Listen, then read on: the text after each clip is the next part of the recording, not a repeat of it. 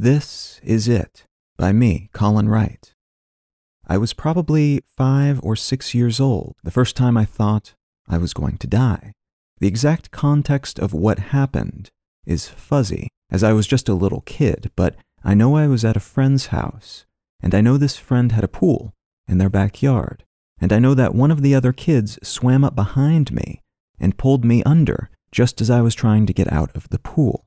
It was a playful, joking act, the kind of thing little boys do to each other all the time.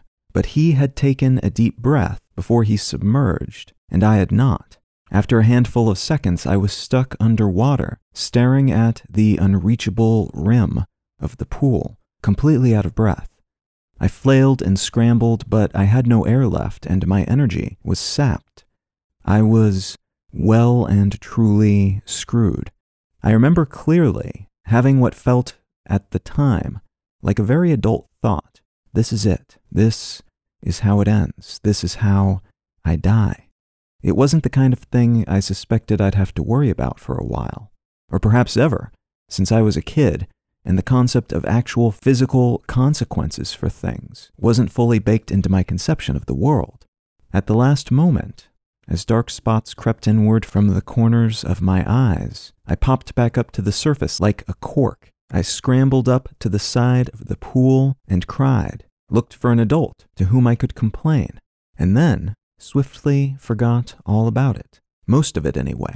That moment of uncomfortable clarity stuck with me, as did the newfound death inclusive worldview that it inspired. I've been fortunate in the years since those halcyon days of swimming pools and roughhousing and forgettable contexts. There have been a few brushes with tragedy here and there, but nothing truly traumatic, nothing personally debilitating or life altering in a hugely negative way.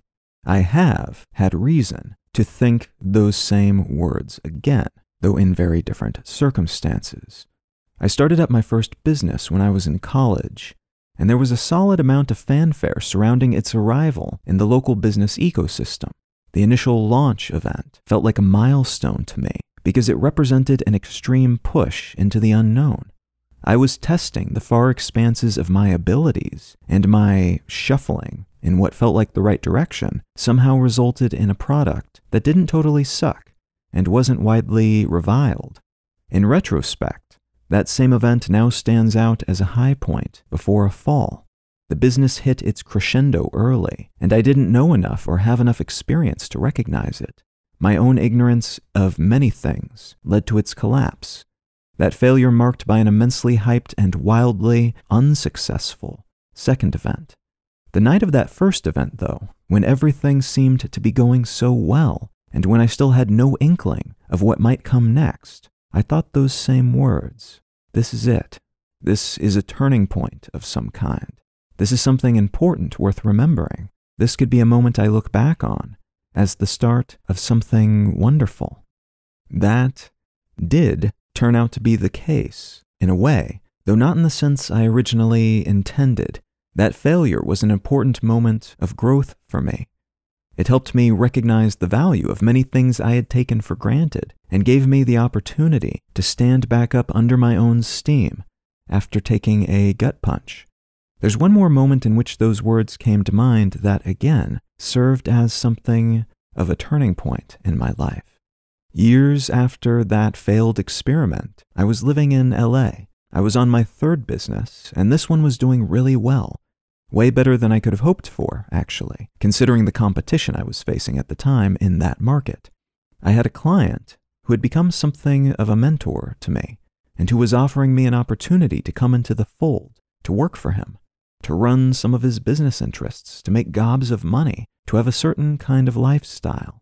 I remember standing there in his office, looking around at the trappings of wealth with which he surrounded himself, thinking about all the people I'd met who worked for him, and all the wealth trappings they possessed and flaunted. I also thought about how much stress I was dealing with pretty much all the time while working for him. The payoff was high, but the expectations and potential to mess things up were also amplified. Everyday things like getting stuck in traffic and struggling to get sleep and neglecting the gym for the third night in a row were wearing at me physically and psychologically. Being stressed all the time was stressing me out. This is it, I thought.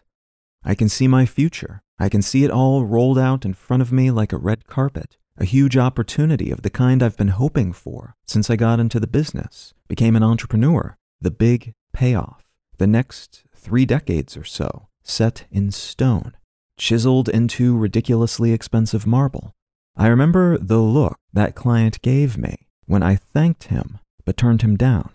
It was unthinkable that I would say no. It was such a sure thing, a gold paved path. That decision turned out to be perhaps the best one I ever made. It's no coincidence that it was also one of the most difficult. There's still a part of me that wonders how things might be different had I vastly more monetary wealth than time, the opposite of what I chose. Part of what I love about my lifestyle today is that although there are periodic whispers of that first story, moments where I wonder if I've stumbled into something dangerous or even fatal, I experience plenty of the second, opportunities to challenge myself and face difficulties, emerging stronger on the other side. And in the eight years since I started traveling, since that pivotal moment in LA, I've yet to be burdened with a predictable future one in which my entire story is visible, knowable, and set in stone. This is a less traditional and often less comfortable path, but it's also anything I choose to make of it. This is it by me, Colin Wright.